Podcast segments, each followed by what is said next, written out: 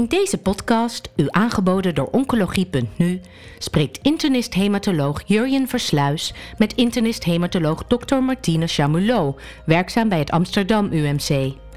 Zij vertelt over de laatste ontwikkelingen op het gebied van non-Hodgkin lymfoom, die werden gepresenteerd tijdens de hybride 63ste ASH Annual Meeting. Martine Chamilot, welkom bij deze podcast over de hoogtepunten op het gebied van uh, diffuus grootcellig van ASH 2021 in Atlanta. Ik denk dat er veel hoogtepunten waren die we moeten bespreken, maar liefst vier abstracts die gepresenteerd werden op de plenaire, dan wel de late breaking abstract sessie. Um, maar voordat we beginnen, hoe was jouw impressie van deze hybride versie van Ash?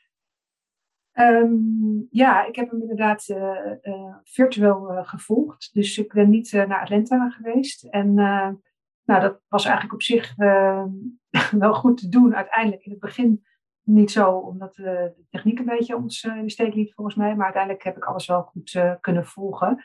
En um, um, ja, heeft het ook alweer wat om dat lekker thuis op je eigen werkkamer te doen. Maar ik denk dat het hoogtepunt van deze ASH toch wel was dat er vier gerandomiseerde fase 3 studies uh, in lymfoom zijn gepubliceerd. En dat, dat is wel echt heel veel. Dat hebben we in jaren niet, niet gehad, denk ik. Dus in die zin was het een, nou, best wel een spectaculaire ASH, moet ik zeggen. Ja. ja. Nou, laten we dan maar beginnen met waar het vuur, denk ik, het heetst was. De CAR-10. Uh, er werden twee gerandomiseerde studies getoond, waarbij CAR-T-cellen werden vergeleken met tweede lijns standard of care behandeling. De ZUMA 7 en de Belinda-studie. Zullen we beginnen met de ZUMA 7? Wat was dat voor studie? Ja, en uh, eerlijk gezegd waren het er drie. Um, er was nog een uh, gerandomiseerde um, fase 3-studie met dezelfde indicatie, de Transform-studie. Um, dus uiteindelijk waren er drie gerandomiseerde fase 3-studies met CAR-T.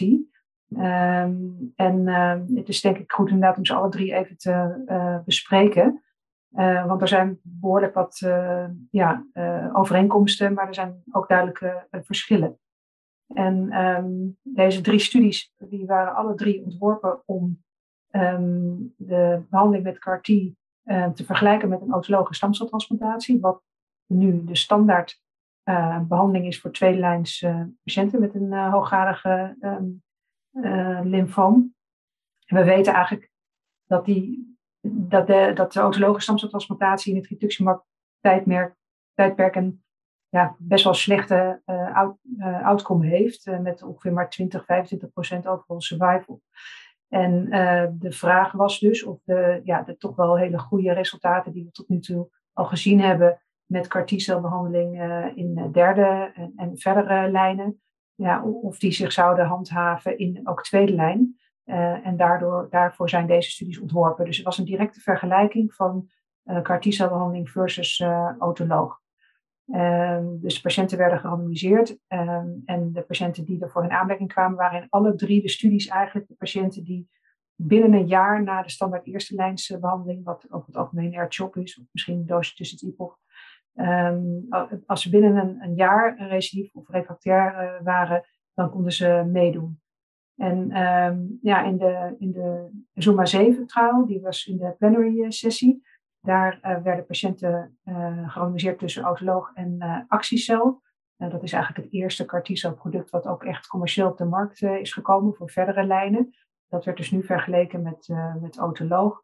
En um, die, die, die, studie was heel duidelijk uh, positief en liet eigenlijk uh, op het primaire eindpunt, wat event-free survival uh, was, ja, een vier keer zo lange event-free survival periode zien. Die ging van 2,5 naar 10 maanden.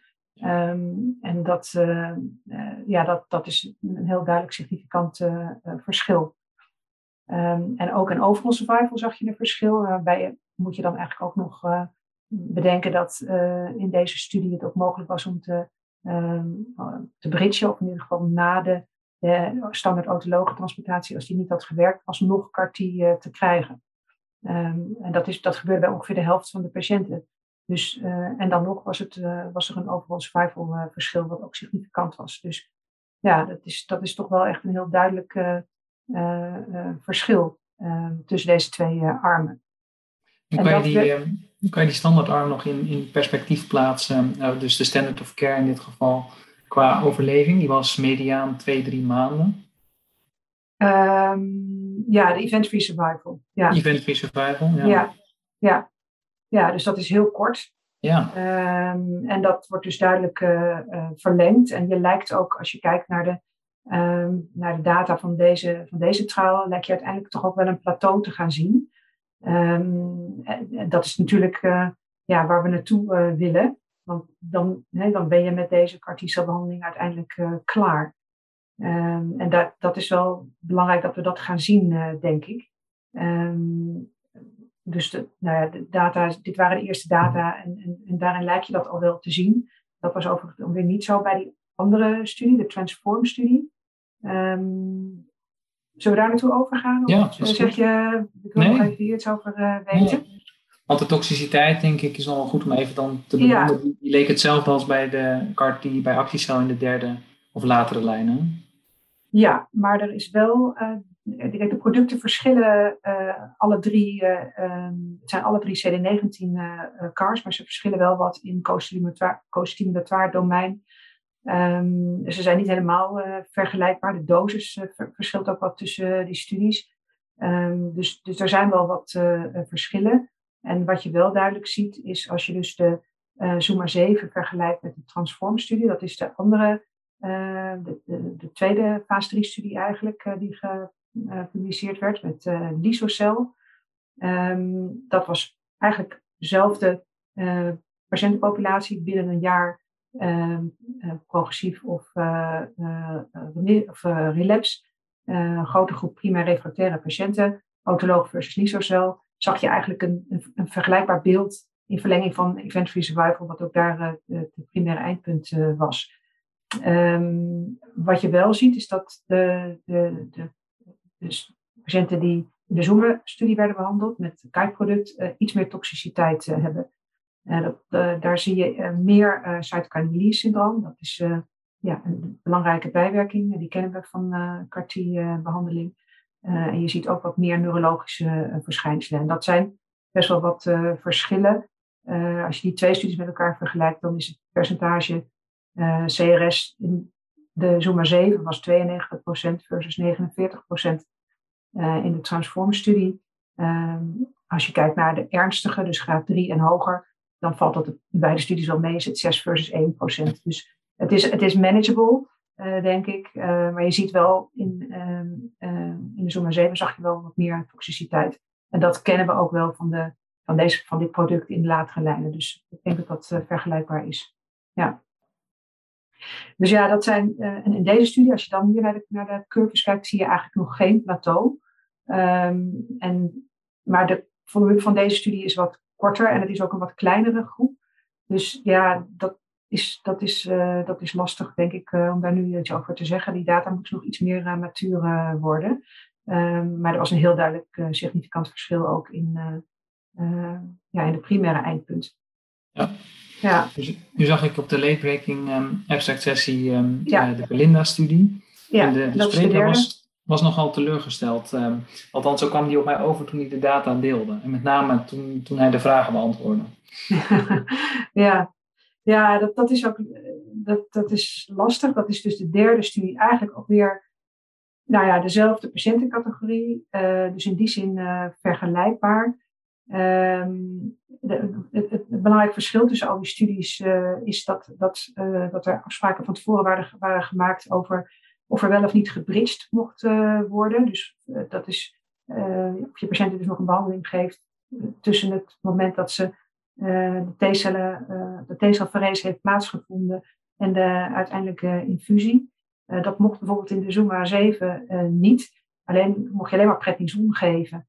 Um, en um, ah, dat heeft misschien er wel toe geleid dat daar een wat betere patiëntencategorie in zit.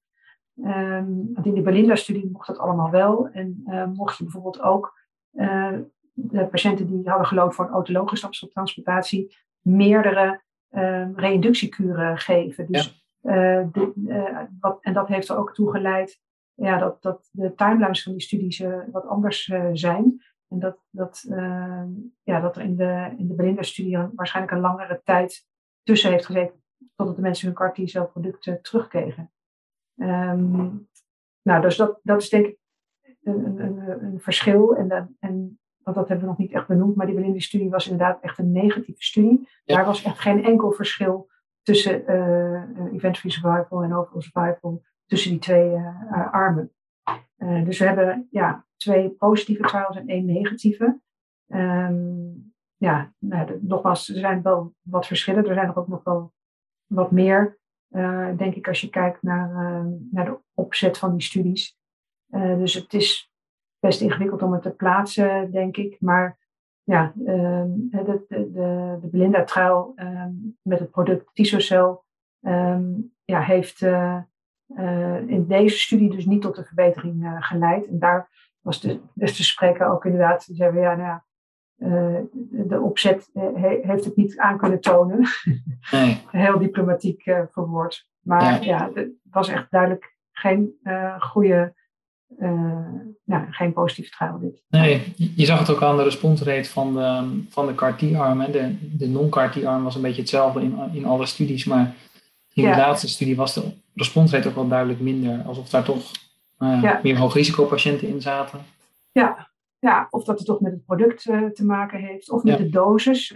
want zij hebben, de andere twee studies hadden een vaste dosering. Hier was een, een vrij grote range aan wat ze hebben toegediend. Daar ja, daar, daar waren niet meer data over. Uh, of dat nog iets uh, had uitgemaakt. Overigens was er ook een verschil in de tijd dat de patiënten uh, de cellen terugkregen tussen Europa en Amerika. Waarbij de patiënten in Europa, ja, het product moest eerst naar Amerika weer terug. Dus het duurde langer voordat ze het hier kregen. maar dat heeft er uiteindelijk eigenlijk helemaal niet toe geleid dat dat slechter was. Dus in Europa. Dus, ja, dus dat, dat was ook weer heel gek. In het antwoord gaf hij toe dat uh, de Europese patiënten het zelfs al ietsjes beter leken te doen. Ja, precies. Ja, dus, dus daar speelde die langere tijd dan weer geen rol. Dus er zijn denk ik nog best wel wat vragen. Het is nog zeker niet zo dat nu CAR-T in de tweede lijn uh, heel evident is op basis van deze drie studies, denk jij? Um, nou, dat nog niet helemaal, maar ik denk wel dat, uh, dat het echt een veel betere eh, behandeling, dat, ja, dat, het, dat het een betere behandeling is dan de autologische stamceltransplantatie die we nu uh, hebben. Um, voor, voor deze subgroep, hè, voor, de, voor patiënten die dus een snel recidief hebben ja. uh, en die toch ook ja, de, redelijk fit zijn en dit aankunnen. dus bijvoorbeeld voor patiënten die pas na anderhalf, twee jaar een recidief hebben, die hebben we ook.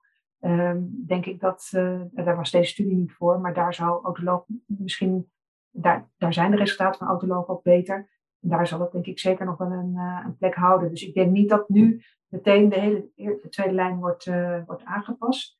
Maar als, nou, zeker de data die de Zuma 7 laten zien met, met een plateau, zodat je daarna dan ook echt van curatie kunt spreken, als we dat ook in die, in die transform gaan zien. En misschien uiteindelijk ja, in de Belinda uh, met aanpassingen ook. Dat, dat sluit niet helemaal uit. Dan, het zou me niet verbazen als het ooit wel een keer gebeurt. Ik denk niet dat we meteen uh, het volgend jaar voor elkaar hebben. Maar uh, er zit, ja, het is zeker een, een hele, heel erg ja, hoge setting. Ja. ja. dat vind ik wel. Ja.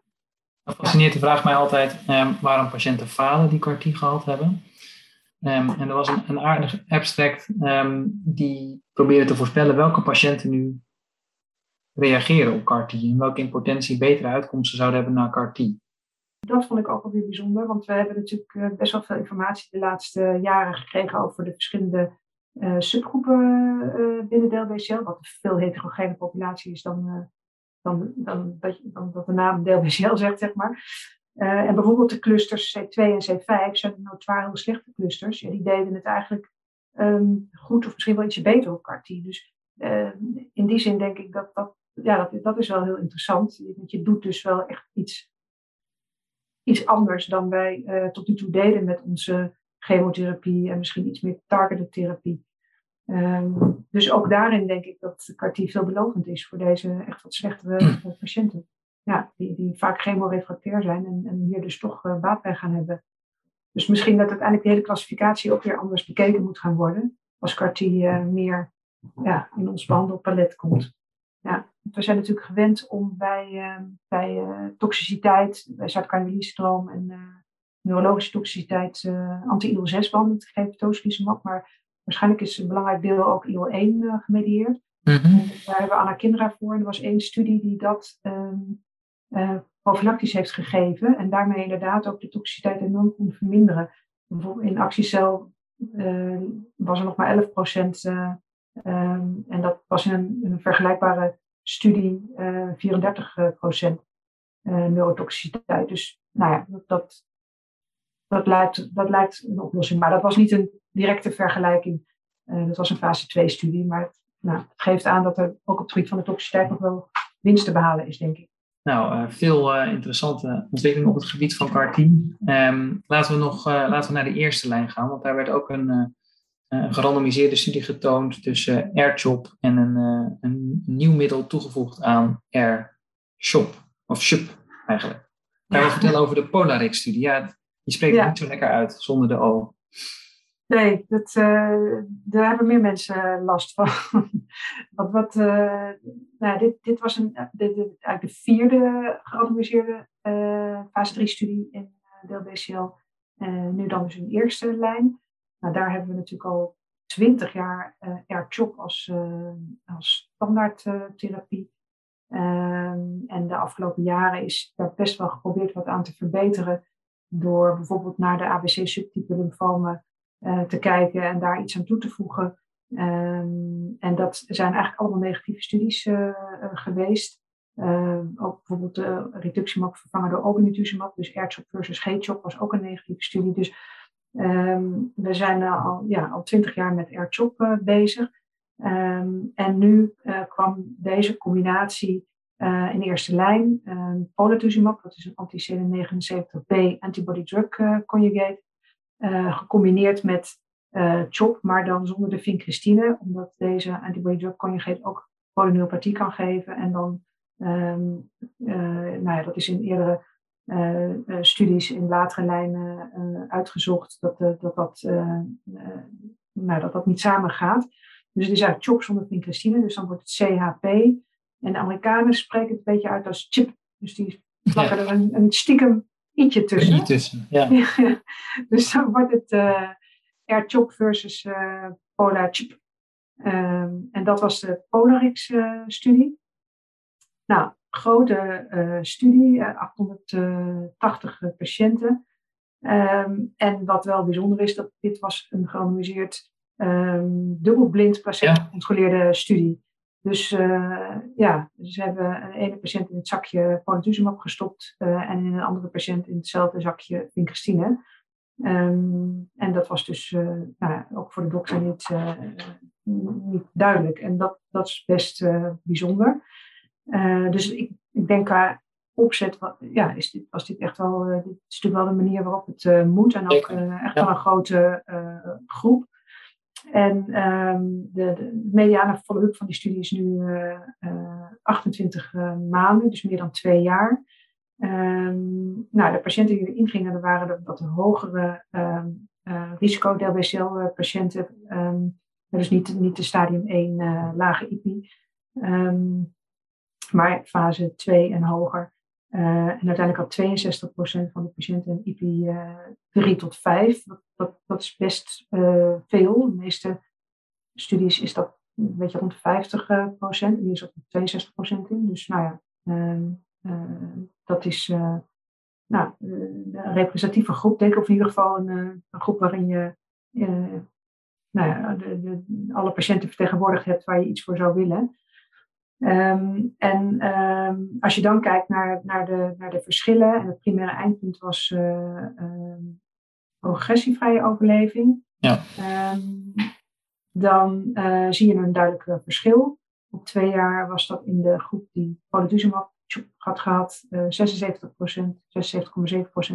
versus 70,2% in de AirChop groep. Met een hazard ratio van 0,73. Um, dus um, ja, meer dan 25% reductie in het risico op uh, een recidief binnen twee jaar.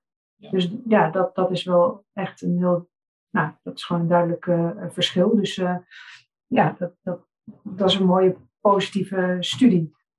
Ehm, en qua toxiciteit? Um, ja, hoe, was dat is ook bijzonder. Ja, dat is, want uh, dat, dat was, da daarom is het denk ik wel echt heel netjes dat ze het dubbelblind uh, gedaan uh, hebben.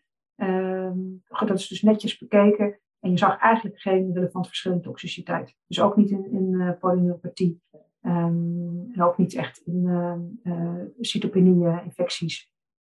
Dus, dus qua toxiciteit zijn ze ook heel vergelijkbaar, deze regimes.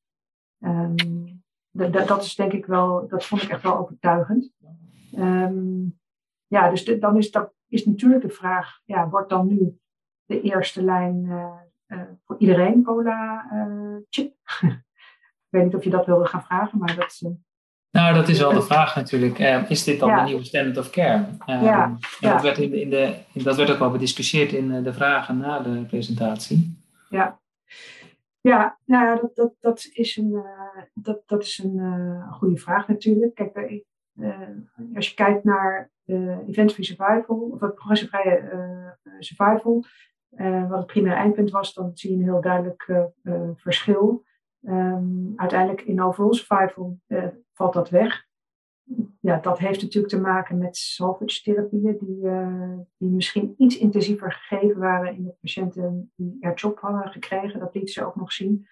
Um, nou, dat, dat, dat zijn kleine aantallen, dus dat is moeilijk om daar iets over te zeggen. Maar overal survival verschil lijkt er in ieder geval niet te zijn. Dus voorlopig moeten we het doen met progressievrije overleving. Um, ik denk dat, um, dat, dat, dat, ondanks dat dit echt wel een hele mooie gezette studie is, dat dit toch nog niet direct de eerste lijn voor alle uh, standaard, of de standaard eerste lijn voor alle patiënten gaat worden. Ik denk dat het, dat het heel interessant is dat er dus zeker, dat er zeker een subgroep is die baat zal hebben bij, dit, uh, bij deze combinatie. En dat, dat, dat, dat het er heel erg uh, om gaat, ja, wie zijn dat nou? En daarom ja. is het denk ik heel erg interessant om heel goed te gaan kijken naar allerlei, uh, naar de subanalyses en naar de exploratory analyses die, nou ja, die, die wel deels ook, uh, die ze deels hebben laten zien. Het is net ook gepubliceerd, dit, deze studie. Um, en dan is dat nog niet zo heel erg duidelijk. Dus we hebben eigenlijk alleen naar de aantal klinische parameters kunnen kijken. Dus het lijkt dat Um, dat, dat jongere patiënten eigenlijk geen benefit hebben van, dit, uh, van deze combinatie. Dat patiënten met bulky disease dat niet hebben. Um, dus nou ja, zo zijn er nog wat verschillen die ja, nog niet zo heel duidelijk, in ieder geval klinische parameters, een, uh, een, groep identificeren. Um, ik denk dat, het, dat er, dat, er staan nog heel veel analyses, moleculaire analyses ook in. en en dat, ik denk dat het goed is dat we, nou ja, dat we daarna gaan kijken. Want daar is natuurlijk ook wel ja, uh, je wilt natuurlijk voor iedere individuele patiënt het beste, maar als we dit aan alle eerste lijns patiënten gaan geven, dat zijn er ongeveer zo'n 1200 per jaar in Nederland, dan moet je ook even kijken naar de financiële toxiciteit. Dat is ook iets wat in de discussie natuurlijk wel uh, genoemd werd. Um, ja, ik weet niet precies de prijs, maar het zal zo tegen de 50.000 euro per patiënt zijn. Uh, ja, vincristine kost helemaal niks meer. Uh, dus dat is natuurlijk uh, wel een groot verschil. Uh, maar goed, nogmaals, ik denk eh, ja, dat er zeker een, een groep is die, die hier ja. baat bij gaat hebben. En dan toch ook wel een hoogtepunt dat je sinds lange tijd, je noemde zelf al 20 jaar, ja. um, een, een, positieve studie hebt in de eerste lijn voor alle patiëntengroepen. En dan misschien uiteindelijk voor een bepaalde patiëntengroep nog een beetje beter. Ja. Of minder. Nee, ja, nee, absoluut. Dus dat is, ja, dat is hartstikke mooi. En, en, in die zin is ook echt de felicitatie uh, waard, uh, vind ik. Ja. ja. Oké, okay. um, ehm, ik wilde eigenlijk doorgaan met je op, uh, op CNS-lymfomen. En soms in de dagelijkse praktijk moeilijk te stellen diagnose, vaak door de neuroloog, neurochirurg. Um, en er was een, een, mooie, een mooie abstract tijdens de plenary, um, die ging over circulerend tumor-DNA voor de detectie, maar ook voor de risicostratificatie en zelfs MRD-monitoring voor patiënten met een CZS-lymfoom. Hoe kijk jij naar, die, uh, naar dat praatje? Dat is natuurlijk een hele interessante ontwikkeling, want als we dat uh, goed zouden kunnen ontwikkelen, kunnen we patiënten een uh, hersenbeeld besparen. En de groep van Florian Scheer uit Duitsland heeft ehm, een hele serie biopten maar ook ehm, plasma en liquor van patiënten met CNS-lymfoom verzameld. 85 uh, biopten en ik geloof meer dan 100 plasma samples en 62 liquor samples. Best een hele grote groep. En die, heeft, die hebben ze allemaal uh, gesequenced. Vonden overigens in, uh, in alle, alle, alle biopten een heleboel mutaties per patiënt. maar vonden een aantal van de mutaties ook terug in, in het CT-DNA in de plasma. Ehm, in 78% van de patiënten, maar in 100% van de patiënten in liquor. Dus het, lijkt erop dat uh, ja, bij alle patiënten met een CNS-lymfoom, in ieder geval in deze serie, er iets terug te vinden is van het tumormateriaal in de, in de liquor. En dat, ja, dat, dat is dus, ja, dat, dat zou een hele mooie verbetering zijn als we um, op die manier de diagnose zouden kunnen stellen. nou, de techniek die ze gebruikten was wel een vrij nou, zullen we zeggen, uh, uitgebreide en intensieve eh, techniek. FaceSec hebben ze gebruikt, waarbij ze iedere keer kijken naar meerdere mutaties op één gen. Ehm, en dat is nou ja, een vrij nieuwe techniek die, die lang niet overal uitgevoerd kan worden. Dus hoewel dit er natuurlijk prachtig uitziet, is dit nog niet iets wat we zomaar over kunnen nemen in de, in de kliniek. Um, maar nogmaals, ja, dat, dat kan misschien uiteindelijk toch ook, de test kan misschien verbeterd en sneller en uiteindelijk ook goedkoper worden. Ja, want ehm, de, huidige, de huidige staat was nog wel dat dat zeker een, een kleine week kostte voordat de resultaten geleverd werden. Ja, ja. Ja, nou ja, goed, dat, dat, op zich is dat ook nog niet zo verschrikkelijk lang. Hè? Ik bedoel, als, als je een biopsie inlevert bij de patholoog, moet je er soms ook een kleine week op wachten. Um, dus dat, dat nou ja, oké, dat, dat uh, is nog niet uh, zo heel gek, vind ik. Um, maar wat je, wat, er zijn ook ontwikkelingen, bijvoorbeeld om met een hele simpele PCR, waar je echt binnen een dag een uitslag van hebt, uh, bijvoorbeeld naar MyDA88 kijkt. want het grootste gedeelte van CNS-lymfomen is MyDA88 positief. dus als je, de, als, je de, als je dat doet op liquor en je vindt het daar, zou je, hè, want dat zou een stuk makkelijker en sneller uh, kunnen zijn. Dus die, die, ontwikkelingen daar gaan, gaan hard ook. Uh, maar dit was wel een hele mooie uh, analyse van, van, van, van die samples. Ja. En wat ook wel aardig was, dat ze hadden gekeken naar de, naar de hoogtes ook van de, de hoeveelheid ctDNA die, die ze vonden. En dan zagen ze eigenlijk ook een hele duidelijke relatie tussen de, uh, de plek waar uiteindelijk uh, de lymfoom zat. Dus als er echt pluriventriculaire uh, localisaties waren in, in de hersenen, dan, dan waren die, die, die liquorswaarden ook echt duidelijk hoger. Um, en als er een hele grote bulk was, dan was er uiteindelijk ook een relatie met de hoogte in het plasma. Daar kan je ook iets bij voorstellen. Dus dat, dat vond ik ook nog wel aardig hoe ze dat al helemaal uitgeplozen hadden. Um, ja, ze dus ja, ook echt een mooi zien in, in diezelfde, diezelfde groep had ook wel in het eerste stadium gekeken naar systemisch diffuus lymfoom. En ze zeiden ook wel dat ze nu veel, veel lagere um, hoeveelheden circulerende tumor-DNA vonden ten opzichte van systemisch diffuus Dus dat ja. past ook wel mooi in dat, um, in dat verhaal.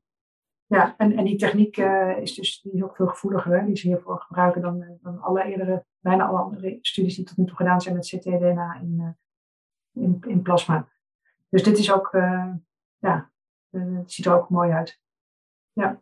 Als we dan uh, de brug gaan maken, maar nog wel binnen CZS-lymfoom, maar weer naar behandeling van patiënten met, um, nou ja, eigenlijk met agressief diffuus B-cell-lymfoom. En dan het voorkomen van een CNS-lab. Dat is altijd een belangrijke vraag um, ja. uh, die in de klinische praktijk um, is. En waarbij de data uh, soms wat, wat minder sterk zijn. En ik denk dat er nu wel een heel mooi abstract werd gepresenteerd, waarbij heel veel groepen samen, of 21 sites, uiteindelijk gepoeld werden in een analyse van ruim 2000 patiënten, ja. om de waarde in te schatten van metotrexaat, hoge dosis metotrexaat. Wat vond jij van die studie? Ja, dat, die gaat ook nog wel wat uitgebreider besproken worden her en der, denk ik. kijk, dit, dit, dit was natuurlijk inderdaad een enorm groot cohort wat ze hadden verzameld. 2300 patiënten, waarbij ze retrospectief hebben gekeken naar ehm, de waarde van wel of niet geven van hoge dosis methotrexaat. En dat is best wel heel erg relevant, want we hebben recent gezegd dat wij als uh, prophylaxe voorkeur hebben voor het geven van hoge dosis methotrexaat boven intrathecaal, wat we eigenlijk uh, altijd deden. En dat komt onder andere omdat we denken dat in het reductiemap tijdperk er toch meer paragymateuze um, recidieven zijn van het CNS-lymfoom dan uh, leptomeningeaal. Um, dus dat, dat heeft in de nieuwste richtlijn nu ook de, ja, de voorkeur gekregen. Um, maar goede studies zijn daar nooit uh, naar gedaan. Dat, dat, die twee zijn niet vergeleken. En ook zijn er nooit studies geweest waarin wel of niet uh, hoogdose überhaupt werd gegeven. Dus ja, we moeten het doen met retrospectieve studies. En dan is het altijd heel erg lastig, omdat je ja, nooit natuurlijk precies weet waarom de ene patiënt het wel heeft gekregen en de andere niet. Um, of waarom de dokter die keuze heeft gemaakt, misschien. Nou was dit dan een studie waarbij, waarbij de meeste patiënten ook echt een, een hoge CNS-IP-score hadden? Hè? Ja, dat klopt. 91% had een, een CNS-IP 4 tot 6. Uh, eh, en, en de anderen die hadden een andere reden om het te krijgen. Bijvoorbeeld omdat ze een dubbel van waren of omdat ze een localisatie in de testis of de mama hadden. Um, ja, daar kan je meteen ook wel weer iets van zeggen. Want um, CNS uh, 4 uh, geeft uh, een duidelijk minder hoog risico op ehm, een leptomeningia of een, CNS-recidief dan 5 en 6. Dus in onze richtlijn hebben wij ook bij CNS-IP4 gezegd dat we daar ehm, alleen een diagnostische LP doen. En dan pas, als die positief is, besluiten dat wel niet te behandelen. Dus, dus de, groep is niet helemaal vergelijkbaar met hoe wij het, het doen. Um, maar als je dan kijkt uh, naar uh, de verschillen, en dan hebben zij dus uh, bij 2300 patiënten gekeken. En als je dan vergelijkt de mensen die het wel en niet hebben gekregen op basis van die criteria, um, dan zie je een verschil van, ja, wat is het, 0,7 procent, 9,1 in de hele groep. Um, als er geen uh, hoogloos MTX werd gegeven en 8,4 procent als dat uh, wel gegeven was. En dat is een niet significant verschil. Um, en als je dan, ze hebben ook dan nog gekeken naar de groep van de patiënten die in complete remissie komt. daar is natuurlijk het meest relevant en dat, is, dat waren ongeveer 1500. En dan zie je een verschil van 6,2 versus 4,7 procent. Um, ook niet uh, een significant verschil. Dus ja, de conclusie van dit stuk is dat, dat ja, je, je, kan hier niet, je kan niet zeggen dat uh, het geven van hoge dosis uh, eh, de, kans op relapse um, heel duidelijk verlaagt. Dat, dat komt er niet uit. Maar nogmaals, het is een retro, retrospectieve studie. Van alle patiënten die geen hoge dosis hadden gekregen, had een groot gedeelte van een behoorlijk gedeelte wel intrathecale prophylaxe gehad. Dus ja, dat, dat vertroebelt het beeld uh, ook. Uh, en nogmaals, die CNS-IP4 vind ik wel een ding, want dat, dat was 56 procent. Dus eigenlijk meer dan de In beide armen, ja. Ja, dus dat is een hele, hele grote groep. Ja, en in die groep is het al überhaupt de vraag of je het moet doen. En dus ik, ik zou eigenlijk uh, ja, dat wel beter vinden om die analyse te doen op alleen 5, 6 de mensen die echt heel hoog risico uh, hebben.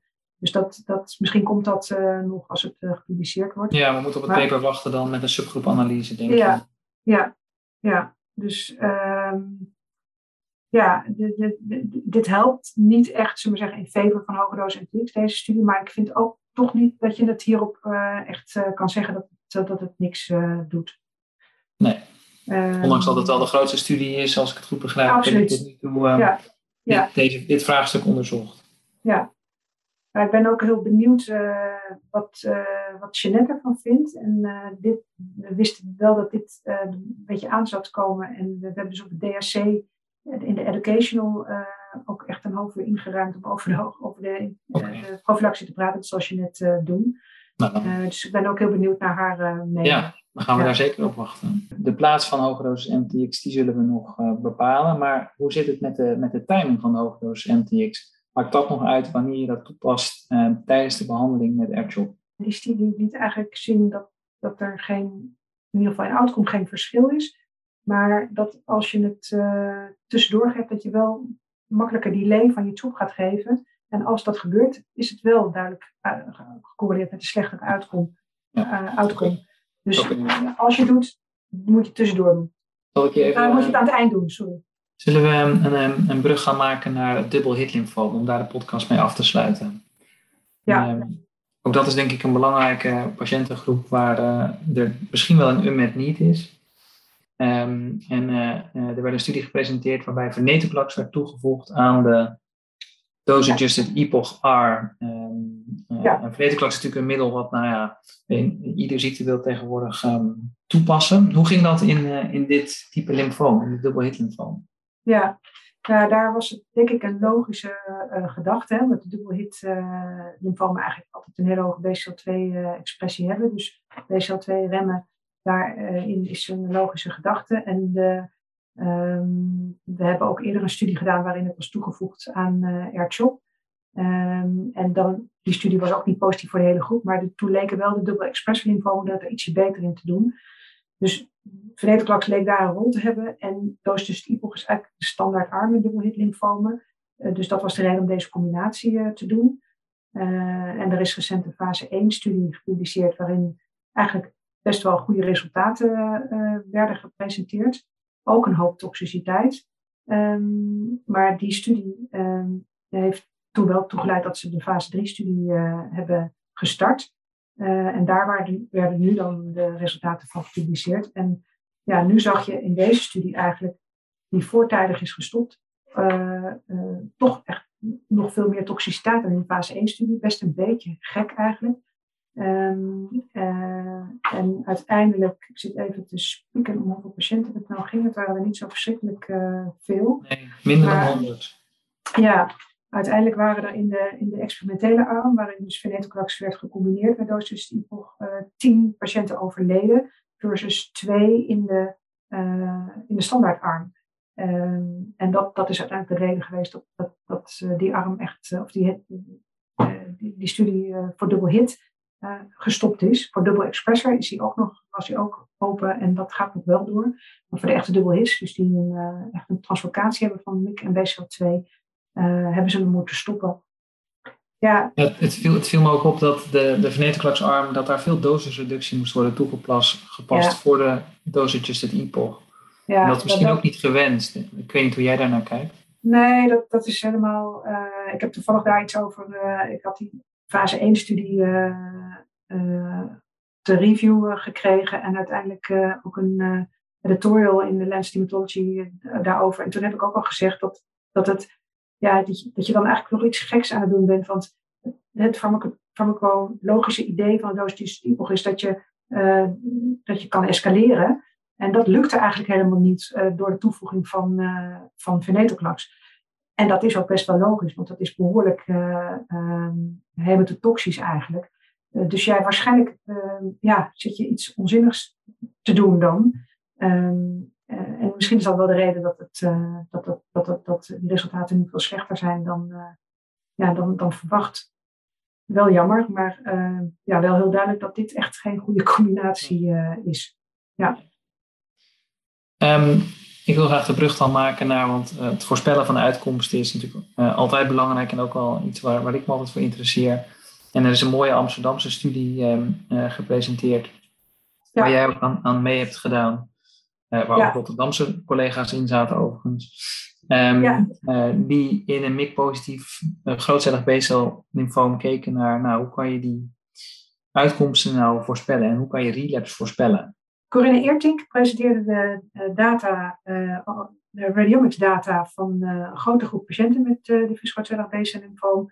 Um, en dan heeft ze vooral gekeken naar verschillen tussen patiënten die wel of geen MIC-translocatie hadden Um, en daar, dat heeft ze gecombineerd met klinische uh, kenmerken. En dat is nu vooral met uh, radiomics. En dan moet je denken aan uh, dus niet, niet alleen de standaard ehm, criteria, de Deauville-criteria, maar ze heeft heel erg veel gemeten aan deze scans. Bijvoorbeeld hoe groot ehm, zijn de massa's, hoe ver liggen ze van elkaar af qua afstand, wat is het metabole tumorvolume, hoe, hoe zijn de subverschillen van de verschillende lesies. Ehm, en al deze factoren bij elkaar is er nou ja, de, de factor radiomics. En die heeft ze gecombineerd met klinische factoren en met de IP-score en met wel of niet een MIC-translocatie hebben. En dan liet ze heel netjes zien en heel mooi dat als je het allemaal combineert, dat je de beste voorspellende waarde krijgt uh, van een, een, baseline PET-scan op um, overleving. Um, dus dat was een mooie analyse. Van patiënten die uit onze eigen hoofdwondstudies komen, de hoofdwond 84, uh, de hoofdwond 130 en ook nog gecombineerd met scans uit de PETAL-studie, um, die al gepubliceerd zijn. Dus zij heeft heel interessante ehm, data verzameld en is bezig om nou ja, de informatie die we uit een baseline PET-scan kunnen krijgen, echt te optimaliseren. En weet je of dat veel, uh, dat is natuurlijk niet iets wat een hematoloog doet, maar zo'n radiomics en al die berekeningen die daarbij horen, is dat iets wat, um, wat gemakkelijk uitvoerbaar is? Of is dat ook iets wat veel effort kost van een nucleair geneeskundige? Um, ja, dat kost effort, maar daar, dus dat kan niet iedereen nu zomaar doen. Maar daar worden goede modellen voor ontwikkeld. En uiteindelijk ja, ik ben daar ook niet echt een expert in, maar ik begrijp dat het, uh, dat het echt niet uh, uh, moeilijk is als die features goed bepaald zijn, om dat elders ook uit te voeren. Dus dat, dat, dat is zeker iets wat um, ja, in de toekomst op meerdere plekken gedaan kan worden. En dat is ook echt de bedoeling. Ja, nou, ik ben benieuwd naar een, een, een prospectieve studie dan, denk ik, waarin dit ja. getoetst gaat worden. Ja, nou, Martine, ontzettend bedankt voor, uh, voor deze uitgebreide samenvatting van al deze belangrijke studies die gedaan zijn uh, op het gebied, gebied van diffuus grootcellig B-cel um, uh, dank voor je tijd. Ja, graag gedaan. Bent u geïnteresseerd in meer podcasts? Deze zijn te vinden op de website oncologie.nu.